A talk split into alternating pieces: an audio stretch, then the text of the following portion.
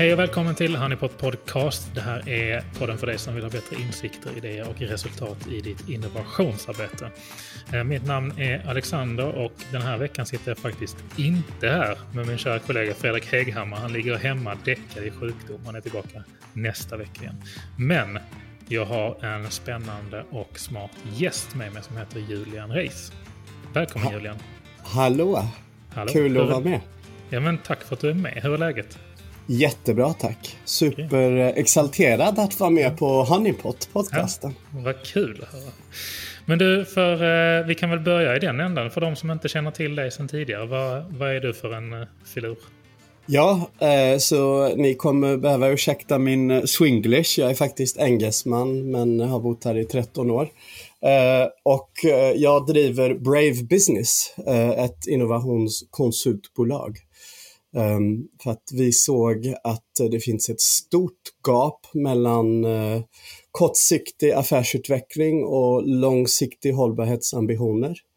Uh, och det vi ser som behövs att brygga gapet är innovationsförmågan i bolag uh, på flera horisonter samtidigt. Och jag vet att ni har pratat om det väldigt pedagogiskt i flera avsnitt om horisontsmodellen. Men det är den som blir ofta um, ja, den, blir sak, den saknas i, i bolag. Att man är väldigt kortsiktig när man pratar affären och, och, man blir väldigt långsiktig och visionär när man pratar hållbarhet och det finns ingen koppling emellan.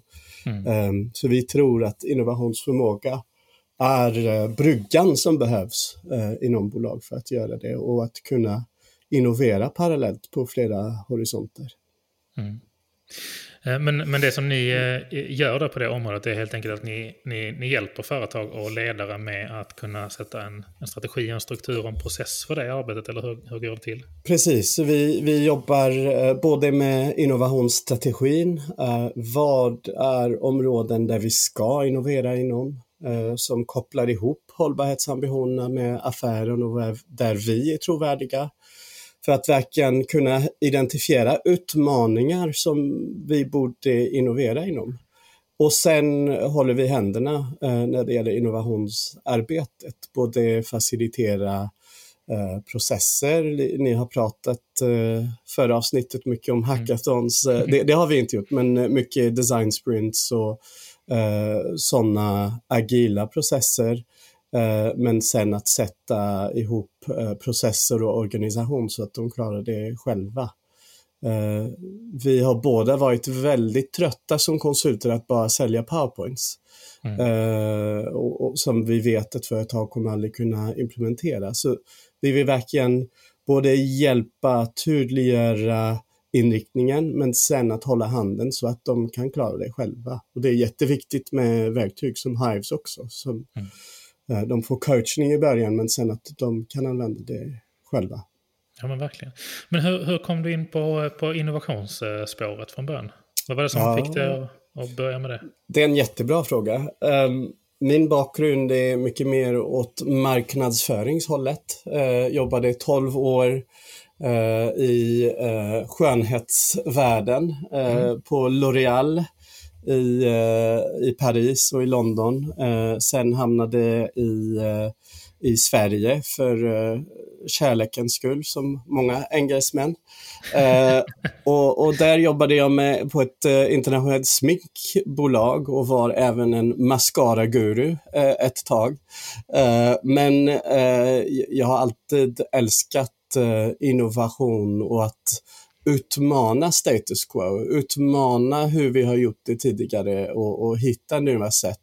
Både processer, hur vi kan arbeta på nya sätt, men också ifrågasätta eh, insikter och sanningar som man kan testa med, med nya produkter och tjänster. Eh, så det, det, har varit eh, hela karriären en naturlig eh, attraktion mot det. Eh, och sen eh, startade jag då som konsult och har haft mycket tur eh, och jobbat med eh, roliga projekt och att eh, lansera nya vodka-varumärken i eh, USA, att omdefiniera branscher inom vitvaror och, och ja, jobba med tebolag och ja, mycket allt emellan. Men, Eh, och då har vi specialiserat oss i eh, innovation eh, nu. Men det är det som jag tycker är så spännande, just att innovation är ju man pratar ju ofta om, om liksom innovation som ett väldigt, väldigt, väldigt specifikt liksom område, eller kanske till och med prata om innovation som själva slutlösningen eller själva slutresultatet i sig. Men det är det som jag tycker är så intressant med det som du är inne på nu, att innovation kan faktiskt användas som metod eller som kraft inom de mm. flesta mm. områden. Där handlar det om processen och metoden i sig liksom, som grund. Ja, jag, jag, gillar att se innovation mer som en verb än eh, slutresultat. Att, ja. Uh, ja, det, det, finns såklart verben innovera, men mm. uh, om du förstår vad jag menar. uh, att, och, och, det som saknas fortfarande, och det, det är lite tråkigt, är att eh, man anställer en innovationschef och tror att det blir löst. Eh, innovationsagendan måste sitta hos ledningen eh, i, i bolag. Eh, det är jätteviktigt att eh, man tror inte att det handlar bara om produktutveckling eller att det handlar bara om att göra roliga design sprints Eh, och, och, och, roliga eh, brainstorming sessions. Det handlar om hur ska vi transformera vårt bolag i framtiden samtidigt som vi kan bli lönsamma kortsiktigt. Så det, det är väldigt eh, strategiskt och, och eh, påverkar många delar av bolaget. Och det, det, det, är det som jag tycker är super, superroligt och, och kul. Mm.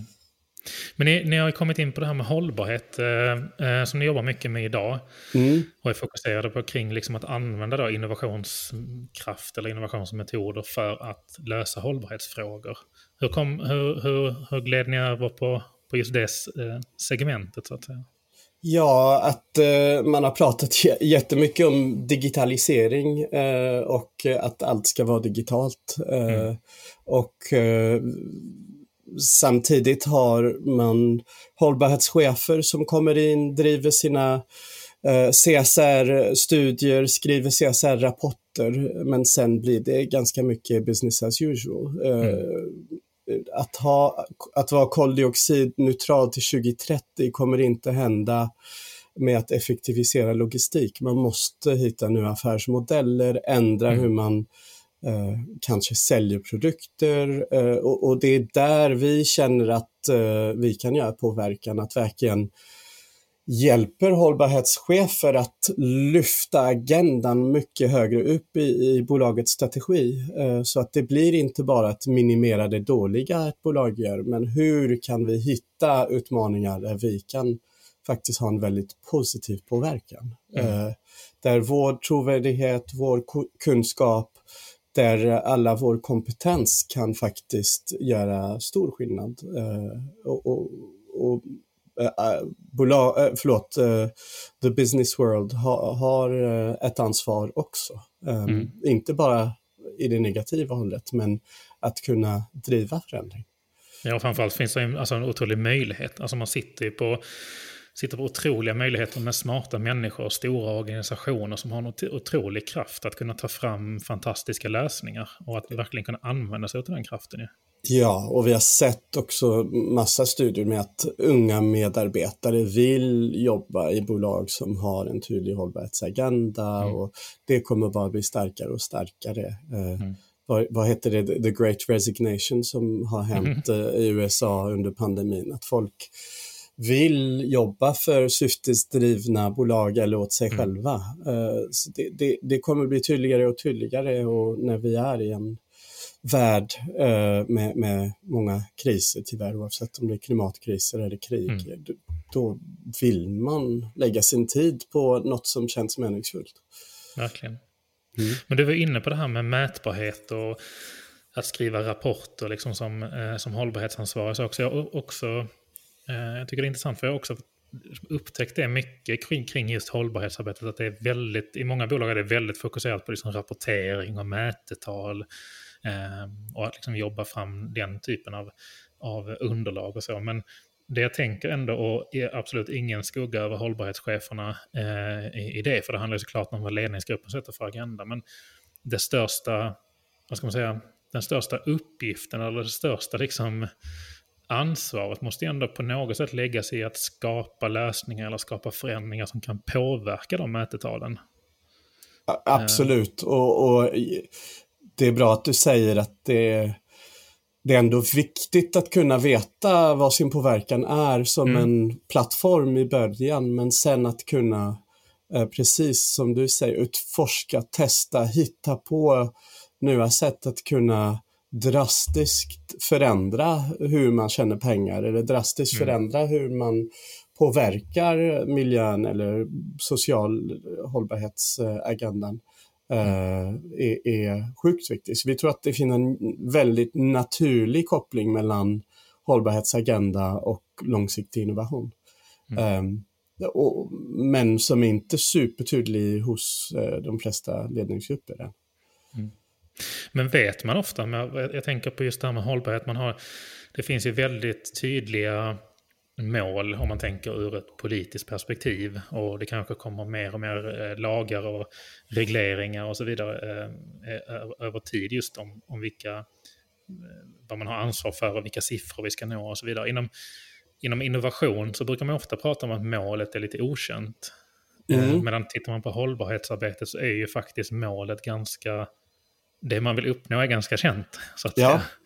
Eh, hur, hur, hur pass medvetna är liksom företagen om, om, om, om att, liksom, om att man, man verkligen måste ta sig till en viss punkt? Finns det liksom jag tror tyvärr att det finns, för vi är typ i sustainability 2.0 eh, mm. där det fortfarande är CSR eh, där vi ska minimera det dåliga vi gör.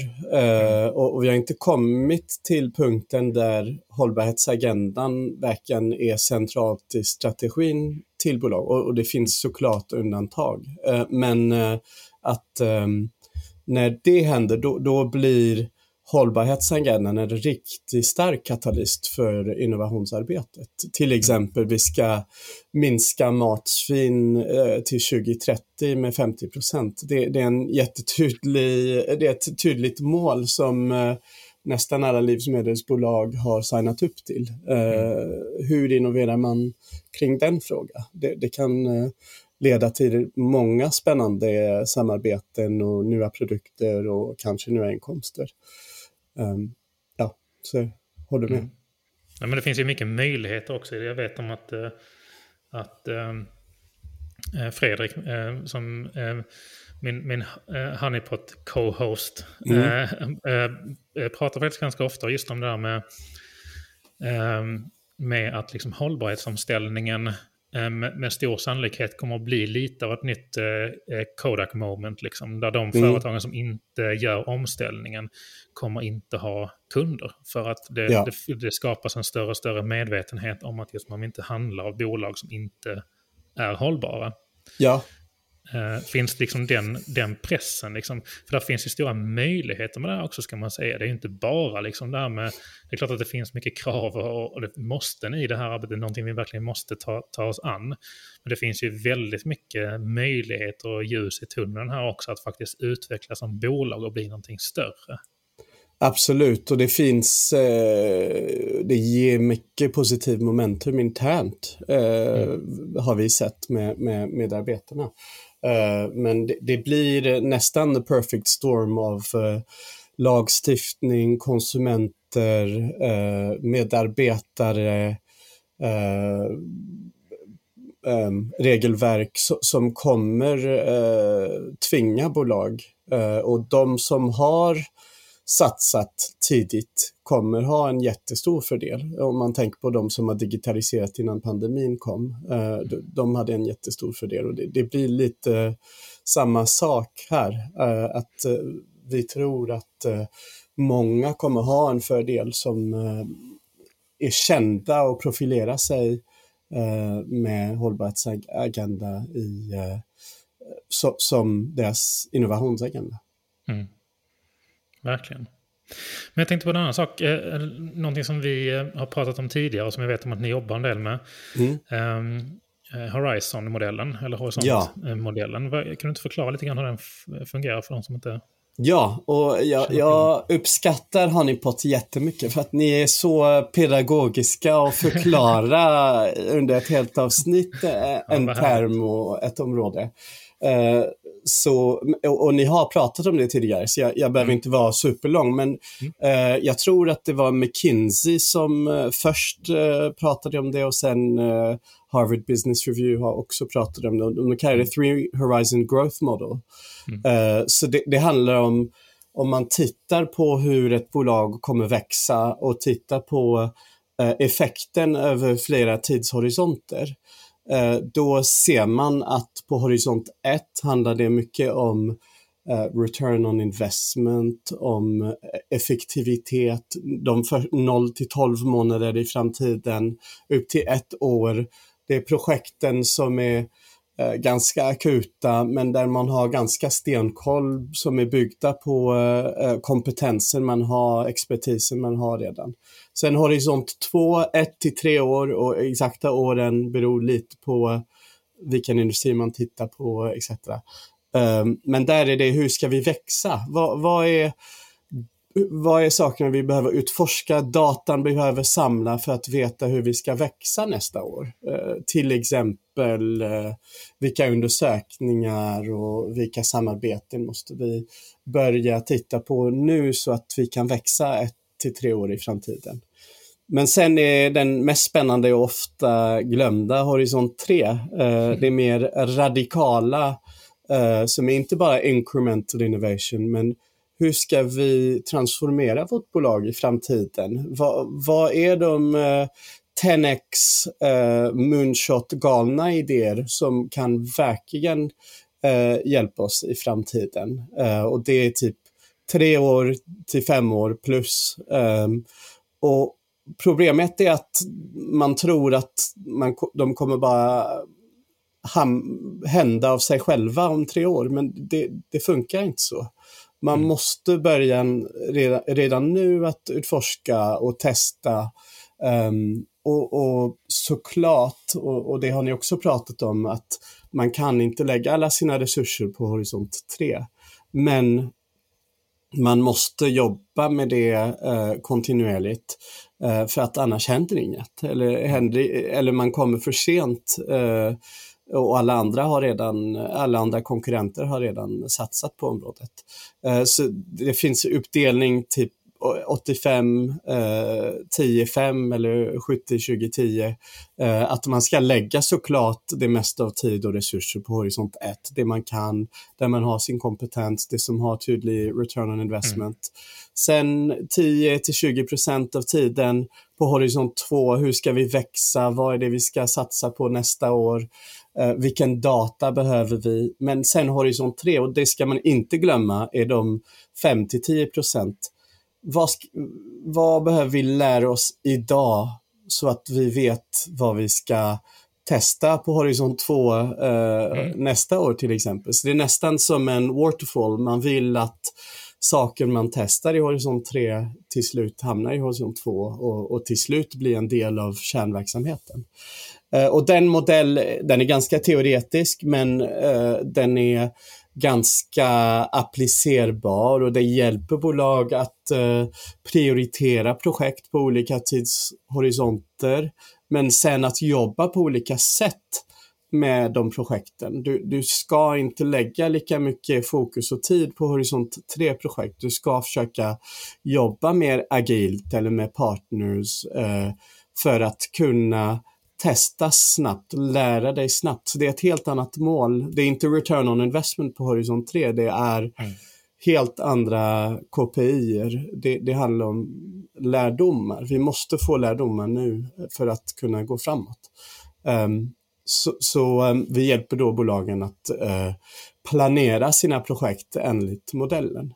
Men uh, en sak som um, ja, vi försöker ge exempel på är prototyping uh, in practice. Uh, mm. För att man pratade om Horisont 3, uh, eh, ja vi ska snabbt testa något, vi ska bygga något. Ni, ni har pratat om MVPs, minimal viable product, som man vill testa, um, eller prototyping. Um, Och eh, det, det låter superballt och det låter jättekult när man pratar om Figma och appar och digitala tjänster. Men alla jobbar inte med digitala startups. Eh, och digitala startups har det ofta mycket lättare att eh, ändra sin affärsmodell på grund av hur de är. Med mm. större mer etablerade, mer process, processdrivna bolag kan det bli svårare.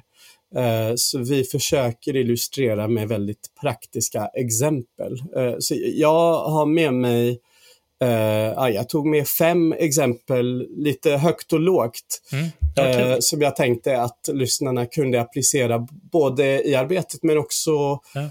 för sig själva. För att uh, jag älskar att tänka horisontmodellen med sitt liv också. Man har kanske ja karriärsidéer. När jag blir mm. större, mm. vad ska jag bli? Typ. uh, och, men uh, det, det, är väldigt svårt. Man, man, kan inte satsa på det helt ut. Uh, eller man kan, men det, det, blir svårt om man har ett lån och familj att försörja mm. samtidigt. Så, så um, hur kan man testa nya saker? Eller när man kommer igång med något, hur kan man lära sig tidigt för att förbättra och iterera? Um, så uh, ja, jag, jag, man kan såklart göra design sprints och det, det har ni pratat mycket om mm. och, och, det har vi gjort med både digitala startups, med stora uh, bolag och, och med FMCG-bolag inom livsmedel. Uh, och det är jättekul, speciellt om man kan kombinera digitala prototyper med fysiska produkter. För att mm. då testar man något som känns ännu mer verklig eh, när man gör sina user tests. Men jag tänkte prata lite mer bara om prototyping och mm. hur det kan hjälpa. Eh. Ja, men jättegärna. Det är bra med liksom praktiska exempel också så att man liksom är med på vad det faktiskt handlar om. Så du får jättegärna dra, dra igenom Super. Så två ja. av dem är väldigt personliga och, och ja. tre av dem är, är, lite mer uh, arbetsrelaterade. Men jag tror att även de personliga kommer hjälpa folk att förstå hur de skulle kunna använda det. Så när jag startade mitt första konsultbolag, då hette det Rise and Shine. Uh, jag heter Julian Rice. Uh, ja, ganska dålig uh, ordlek. Men då jag hade fastnat på namnet, men att bygga en identitet på sitt, för sitt bolag eller ett nytt varumärke, eh, det kan bli svårt. Och det, man kan såklart betala en byrå eh, jättemycket pengar och, och de kan kom, komma eh, med något bra eller dåligt. Men när det är sitt eget bolag kan det bli väldigt svårt. Så om ni har lyssnare som har idéer på startups eller idéer på ja, de vill köra som eh, konsulter själva, eh, då, då kan den här liten eh, historia hjälpa dem kanske. Mm. Så istället för att briefa en designer från början, då Eh, gick jag på Fiverr eh, som är en hemsida där man kan briefa designers eh, väldigt billigt. Och poängen med det här var att jag visste att det skulle bli dåligt, jag visste att det skulle bli fel, men jag ville testa för att komma igång. För att en av principerna, starting is more important than being right. Man kan fastna i att, i per, att vilja hitta perfektion, i, även i workshops, ideations. Mm. Bara spotta ut saker. Det är kvantitet som är viktig i början. Uh, och då fick jag några loggor, inte så konstigt, Rise and Shine, det var soluppgångar, det såg ut som flingpaket, det var jättefult. Men uh, ja, det, då hade jag kommit igång och började, jag kunde reagera själv mot det jag gillade och inte gillade. Och sen började jag fokusera på um, typsnittet för, för min logga.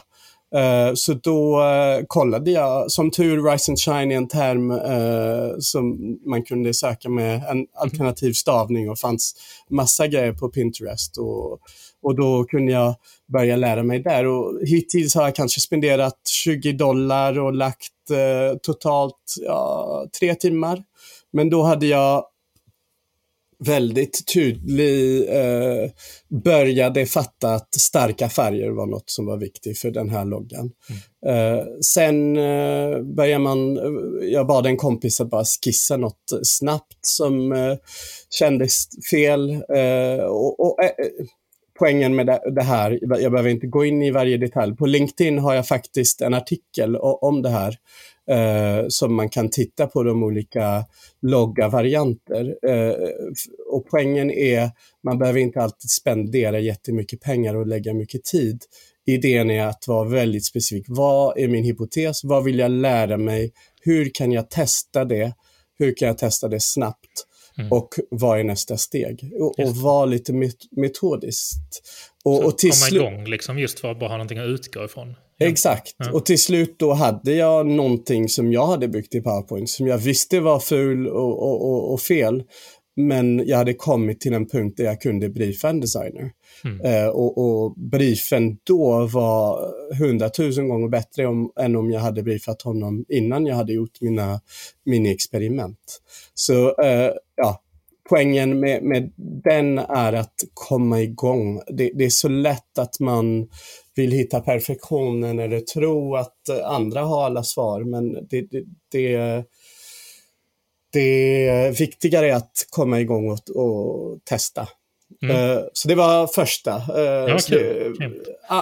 andra är uh, om en barnbok jag har skrivit som heter The Squirrel's Tale. Mm. vi behöver inte prata om vad det handlar om, men det är om, ja, det är om en ekorre. Gå in och köp boken. Ja, precis. precis. Den är på engelska. Men, mm.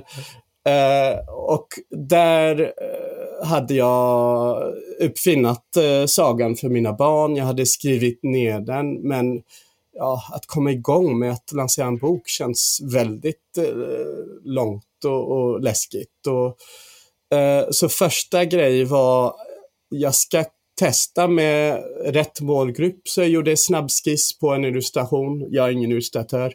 Um, och eh, första meningen från boken och bara postade det ut på Facebook för att fråga andra föräldrar vad de tyckte. Är, låter det här som en intressant saga? Och po poängen med det här är att man man känner sig lite naken eh, när man testar innovation. När man har gjort en prototyp och man testar det på första gången. Ja, det känns läskigt och det ska kännas pirrigt och läskigt, men man ska vara öppen till deras eh, svar. Och alla var väldigt eh, tydliga i sina svar att jag skulle inte illustrera boken. Eh, så det, det var bra. Eh, mm. Och ehm, sen gjorde jag uh, Survey Monkeys och testade uh, man blir så nära sin egen projekt. Vilka delar av sagan är tråkiga för barnen? Eh, så jag bad eh, föräldrar att läsa det till sina barn och, och ratea olika delar. Och det låter helt galet med en saga. Att, mm. att testa det så metodiskt och så analytiskt. Men det var ett sätt för mig att innan jag börjar satsa mycket pengar på en illustratör, innan jag börjar eh, betala ett förlag, eller hitta ett förlag, då, då, vill jag vara tydlig att det inte bara jag som älskar det. Och, och, det blir hela tiden så med innovations eller produktutvecklingsteam. Det blir baserat på personliga åsikter och, och mm. testa det med riktiga konsument. Det, det är inte så svårt. Uh, och till slut då att stå framför ett, ett, ett, klassrum och berätta sagan till barn man inte känner. Det, det är det ultimata. Och det är en av principerna med prototyping är uh, att um, verkligen uh, Friends and family don't count. Get out there. det är så lätt att man testar med kollegor eller testar med kompisar eller familj de räknas inte. Du måste testa med din målgrupp. Du måste ta din prototyp och gå ut, även om det känns superläskigt, superobehagligt. Det räknas inte som en riktig test tills du har testat med en riktig potentiell eh, konsument. Um, så det var de två personliga, de andra går lite snabbare. Ja. Hinner jag berätta? Ja, absolut. Ja, det, är bra. det är perfekt med konkreta exempel. Ja, så eh, när pandemin började, då helt plötsligt eh, ja, var det paus på många av våra projekt. Eh, och vi hade haft en idé med att starta en öl eh, gjort på brödsvin som skulle eh, testa lokala cirkulära affärsmodeller. Vi pratar hela tiden om eh, att driva innovation mot hållbar utveckling och då tänkte vi, ja, men ska vi inte walk the walk och komma igång med vår egen startup? Uh, ja, det, det låter kul och så vi hittade en byggeri som gör det och eh, sen kom vi på att ja, men vi, vi måste ha en distributionskanal. Vi, vi kan inte bara starta en e-handel för det. Så vi uh, fick ett möte med en stor dagligvaruhandel, leverantör, jag ska inte säga vilken här, Eh, men eh, bryggeriet kände dem eh, och, och, och, vi hade kontakt med dem. Och då fick vi ett möte och vi kom på ah, att det är lätt för oss att prata teoretiskt med massa powerpoints om den här idén. Ska vi inte komma med en riktig prototyp? Men vi hade inget varumärke, inget namn, ingen produkt, ingen design, eh, ingen logga. Uh, men vi kom på, ja men hur verklig behöver det vara? Uh, och då kommer vi till en, en, annan av principerna som jag kan summera på slutet. Men mm. as real as possible, as fake as necessary. Så poängen med en prototyp är att trigga en reaktion. Poängen med en prototyp är att du vill lära dig. Det, det är inte att det ska vara perfekt eller att du, det alla detaljer måste vara rätt. Så vi hade en flaska där innehållet var faktiskt gjort av bröd men var från en, eh, en annan leverantör. Vi tog bort deras etikett. Vi kom på ett namn som skulle kunna funka eh, och eh, designade en etikett som vi printade själva och klistrade på.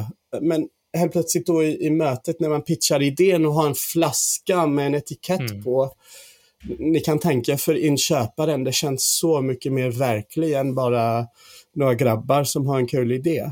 Um, mm. Och uh, som tur eller tyvärr fick vi väldigt positiv respons och då behövde vi uh, ha uh, alla flaskor redo innan midsommar. så då, då blev det helt plötsligt en massa jobb. ja, precis. Så vi behövde hoppa från horisont 3 till horisont 1 väldigt snabbt.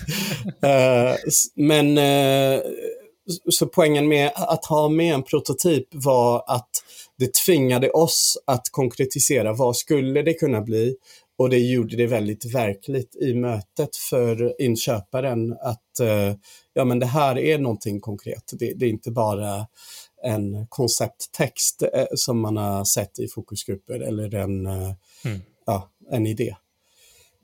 Um, sen mycket större skala var um, ett stort uh, spritbolag som jag behöver inte nämna, men som sa hur, hur skulle vi kunna äga midsommar som en global uh, festlighet? På samma sätt som Coca-Cola associeras till, till jul eller Guinness till St. Patrick's Day. Ja.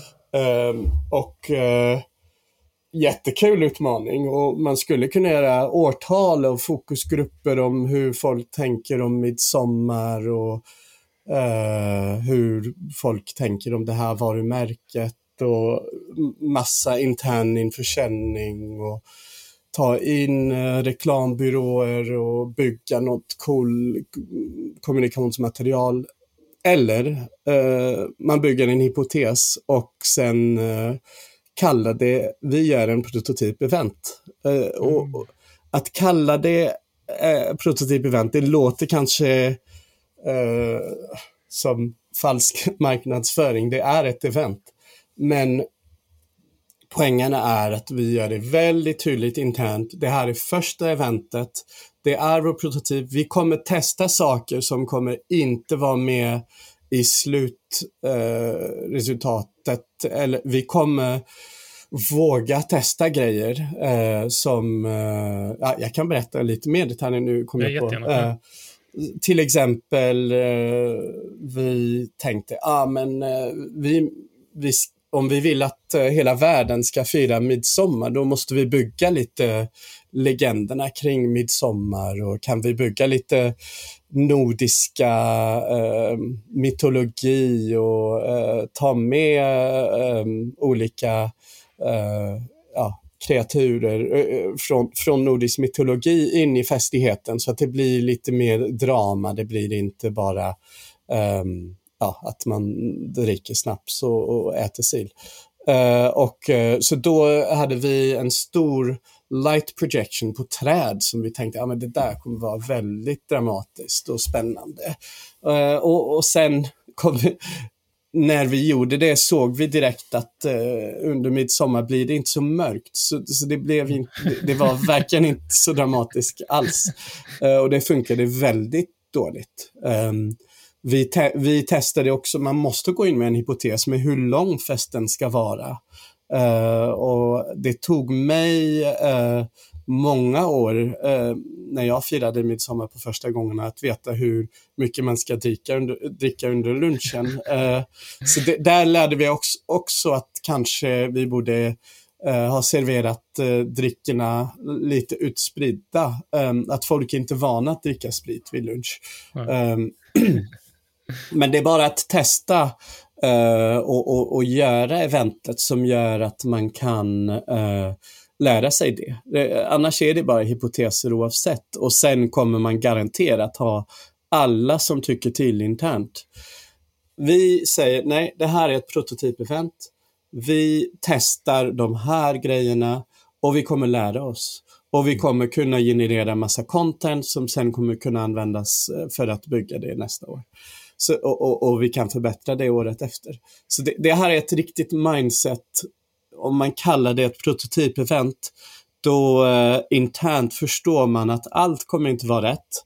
Mm. Och, och, man kan bara göra det första gången. Man kan inte bara säga att det är en prototyp ja, varje gång. Också, nej, men precis. Och man sänker också för, alltså, vad ska man säga, kraven eller förväntningarna på att det måste vara perfekt från, från början. Precis som du pratar om, att det är bättre att faktiskt starta Exakt. och börja göra någonting än att det måste vara perfekt från start. För det är ju först då du kan börja få feedback och liksom data på, på vad, som är, vad, vad som är rätt och fel och vad som kan Ja, och, och, och, jag, kan inte säga, jag kan inte säga här exakta siffror, men det är mycket billigare att uh, göra ett event på en liten skala än att göra globala marknadsundersökningar under två mm. år och anlita massa reklambyråer.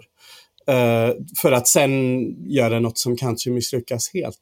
Så det, det är lite det att vara helt besatt med perfektion och tro att eh, coola eh, reklambyråer kommer kunna lösa det är ofta eh, fel.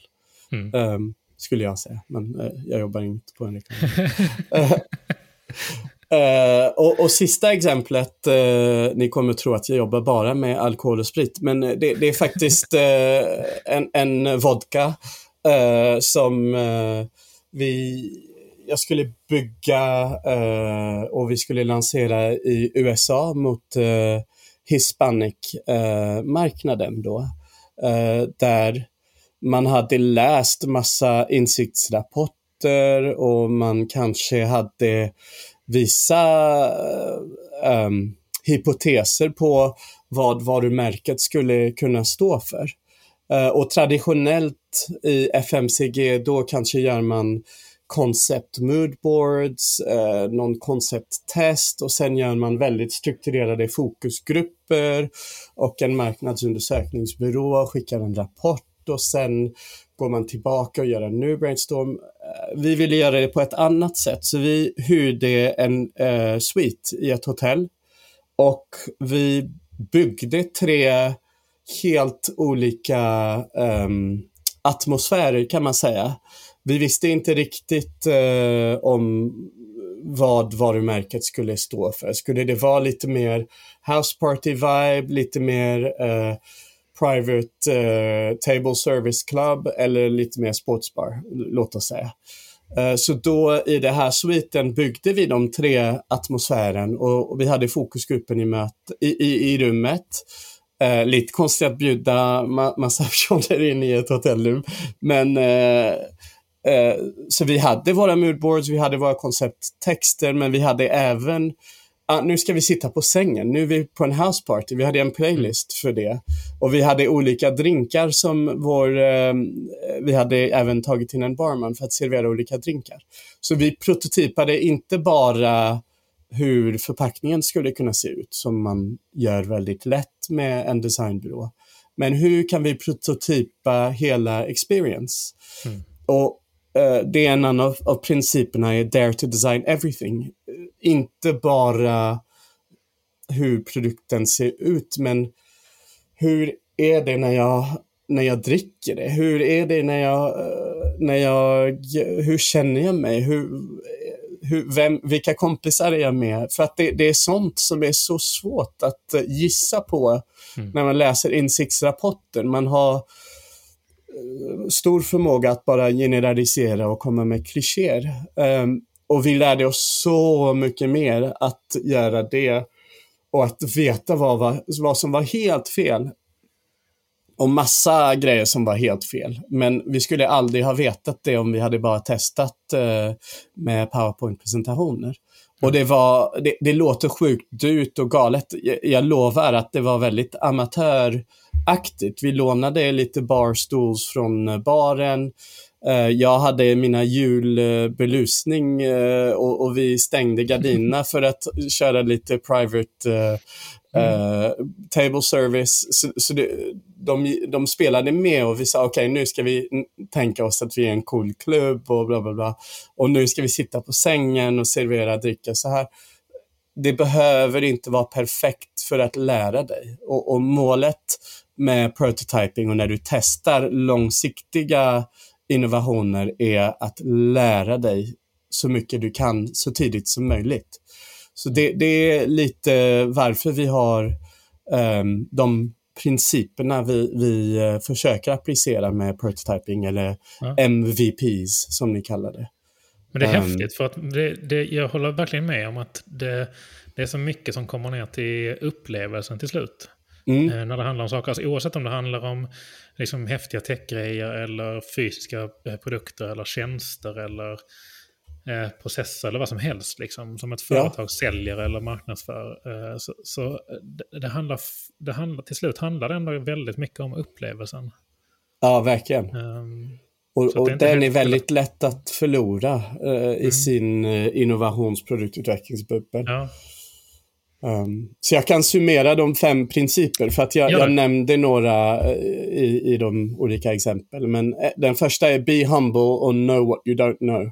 Så mm. gå in med hypoteser men var öppen till att allt kan vara fel. Uh, för att det, annars är det ingen poäng att testa. Om du tror att allt är rätt, då, då behöver du inte lära dig någonting. den andra är dare to design everything att verkligen tänka på the experience, inte bara fasaden. Mm. Um, den tredje som många har hört är progress not perfection, idén av fail fast. Men inte bara fail fast, men fail fast to learn fast. Du, mm. du, du, vill, målet är att du ska lära dig så snabbt som möjligt. Uh, den fjärde är uh, act lean, so make it as real as possible but as fake as necessary. Så det, det ja, som, som jag beskrev, det, det var verkligen ingen cool sportsbar eller cool uh, private drinking club. Det, det, var verkligen med min julbelysning och, och, och, och, bara ett bord. Men det räcker. Det räcker för att bygga en atmosfär. Okej, okay, nu, nu sitter vi inte på sängen längre. Nu är vi någon annanstans. Okej, okay, bra. Nu ska vi prata om något annat. Um, så det, det, är jätteviktigt att inte tro att det behöver vara perfekt. Målet är att lära sig. Och den eh, sista som man ska tänka på oavsett om det är med jobbet och, och, och kollegor eller om det är sin privat projekt eller karriär är get out there. Friends and family don't count. Um, mm. Att uh, testa med folk som känner till dig räknas inte. Och det, det, det, det är den som känns väldigt läskig. Oj, är vi redo att eh, visa det externt? Oj, eh, vad kommer de tycka? Eh, och man känner sig lite naken. Men tills du har gjort det har du, det är bara låtsas. Det, det, det är inte riktig innovation. Det är bara, ja men det är sandlåda. Eh, Så det, det är den som känns läskigt, men det är där du, du lär dig. Verkligen. Fantastiska exempel och bra principer att ta med sig. Mm. Det är verkligen någonting som man kan eh, liksom, eh, praktiskt omsätta. Faktiskt. Ja, jag, jag hoppas det, det och, och det, det, är intressant. Eh, jag, jag, gjorde en kurs tidigare på Bergs om uh, prototyping in business och, och, där försökte jag få studenter att tänka på sina framtidskarriärer. Mm. Ja, du vill kanske jobba på en designbyrå kortsiktigt, men om tre, fem år, vad vill du göra då? Ja, jag har en idé på någon startup. Okej, okay, men hur kan du testa det utan att bygga det? Det är lite mm. det. Hur kan du ja, göra en uh, Facebookgrupp? Räcker det för att se om det finns ett intresse där? Eller göra en Facebook-reklam för det och se hur många klickar på det? Och, mm. uh, för att man kan applicera det på uh, i, sina idéer, sin karriär eller såklart på jobb, innovationer och nya affärsmodeller och nya tjänster. Eh, och, och, som du har sagt, det är såklart eh, väldigt applicerbar med digitala tjänster. Det, det är mm. där man kan bygga fake-produkter väldigt snabbt eh, mm. som känns som att de är riktiga. Verkligen. Grymt. Vi eh, ska gå vidare till eh, det som vi kallar för veckans goodiebag och den kommer här. Veckans goodiebag. Ja, det var veckans goodiebag. Det blir lite bonkos från Fredrik. Ja, jag känner mig igen rösten. Varje, vecka. eh, det är underbart. Jag, jag, jag gillar vår, vår lilla jingel. Ja. Men eh, den här veckan så eh, är det ju min eh, eh, fantastiska gäst Julian här som har med sig en eh, bok som tips. Berätta. Ja, eh, det finns många böcker om eh, innovation, många coola digitala kurser och allt det där och många textböcker om det och design sprint och by Jake Knapp och allt det där. Men eh, jag ville dela med mig en bok som ingen kommer ha hört talas om, eh, men som är långt min favorit när det gäller innovation. Och den heter That shit will never sell av eh, David Gluckman. Uh, och David Gluckman, han är nu 85 år, uh, men han har varit drycksuppfinnare hela sin karriär. Uh, och That shit will never sell var det de sa till honom första gången han kom med idén för Baileys. så han är uppfinnaren av Baileys. och hur han, han kom på idén med, han hade som uppdrag av Irish Distillers. Vi producerar jättemycket Irish whisky. Hur kan vi exportera det? Uh, och sen kom han på idén, ja men tänk om jag blandar whisky och grädde. Så han tog en eh, petflaska, bland, uh, köpte lite grädde och whisky, blandade i den, skaka och det var superäckligt, superstarkt och han var oj, det behöver lite sötma. Så han köpte lite Oh Boy, eller i England, uh, cocoa powder, blandade i det och där kände han att han, han hade något. Så han tog den petflaskan, um, hoppade i en taxi och eh, gick till Irish Distillers huvudkontoret för att presentera sin idé. Och det är den filosofi av prototyping. Han skulle aldrig kalla det prototyping. uh, och, och, men boken är helt fantastisk för att det är jättemånga intressanta historier på hur han testade idéer och hur uh, man, man ska nästan skriva pressreleasen innan man har uh, gjort designen på produkten så att det känns verkligt. Det känns som den är lanserad. Då, då uh, är det lättare för folk att reagera. Um, så det är jättemånga spännande principer man kan applicera och han var en riktig innovationspionjär mm. och, och, med fysiska produkter. Så jätte, jättekul bok. Och prototyping innan, han jobbade ju verkligen med prototyping innan begreppet ens fanns. Ja, innan äh, hela, äh, precis, äh, IT och prototyping ja. fanns där heller. Verkligen. Mm. Grymt. That shit will never sell heter den va? Ja, precis. Ja, vi lägger länk i beskriv beskrivningen också så ni kan, ni kan klicka vidare till den ifall ni vill läsa mer. Eh, men stort tack för att du var med Julian. Om man vill eh, veta mer om dig eller det ni gör eller komma i kontakt med er, hur, eh, Hur gör man ja, det? jag finns på LinkedIn såklart. Eh, annars kan man kolla på bravebusiness.today. Eh, ja, som det låter. Eh, och där ja, jobbar vi. Härligt. Det var allt för, den här, för det här avsnittet och stort tack för att du var med Julian. Tack så jättemycket. Det var jätteroligt att uh, vara med. Och synd att Fredrik var inte. Ja, det kommer nästa gång. Du, Ja. du är välkommen tillbaka. Tack! Kul!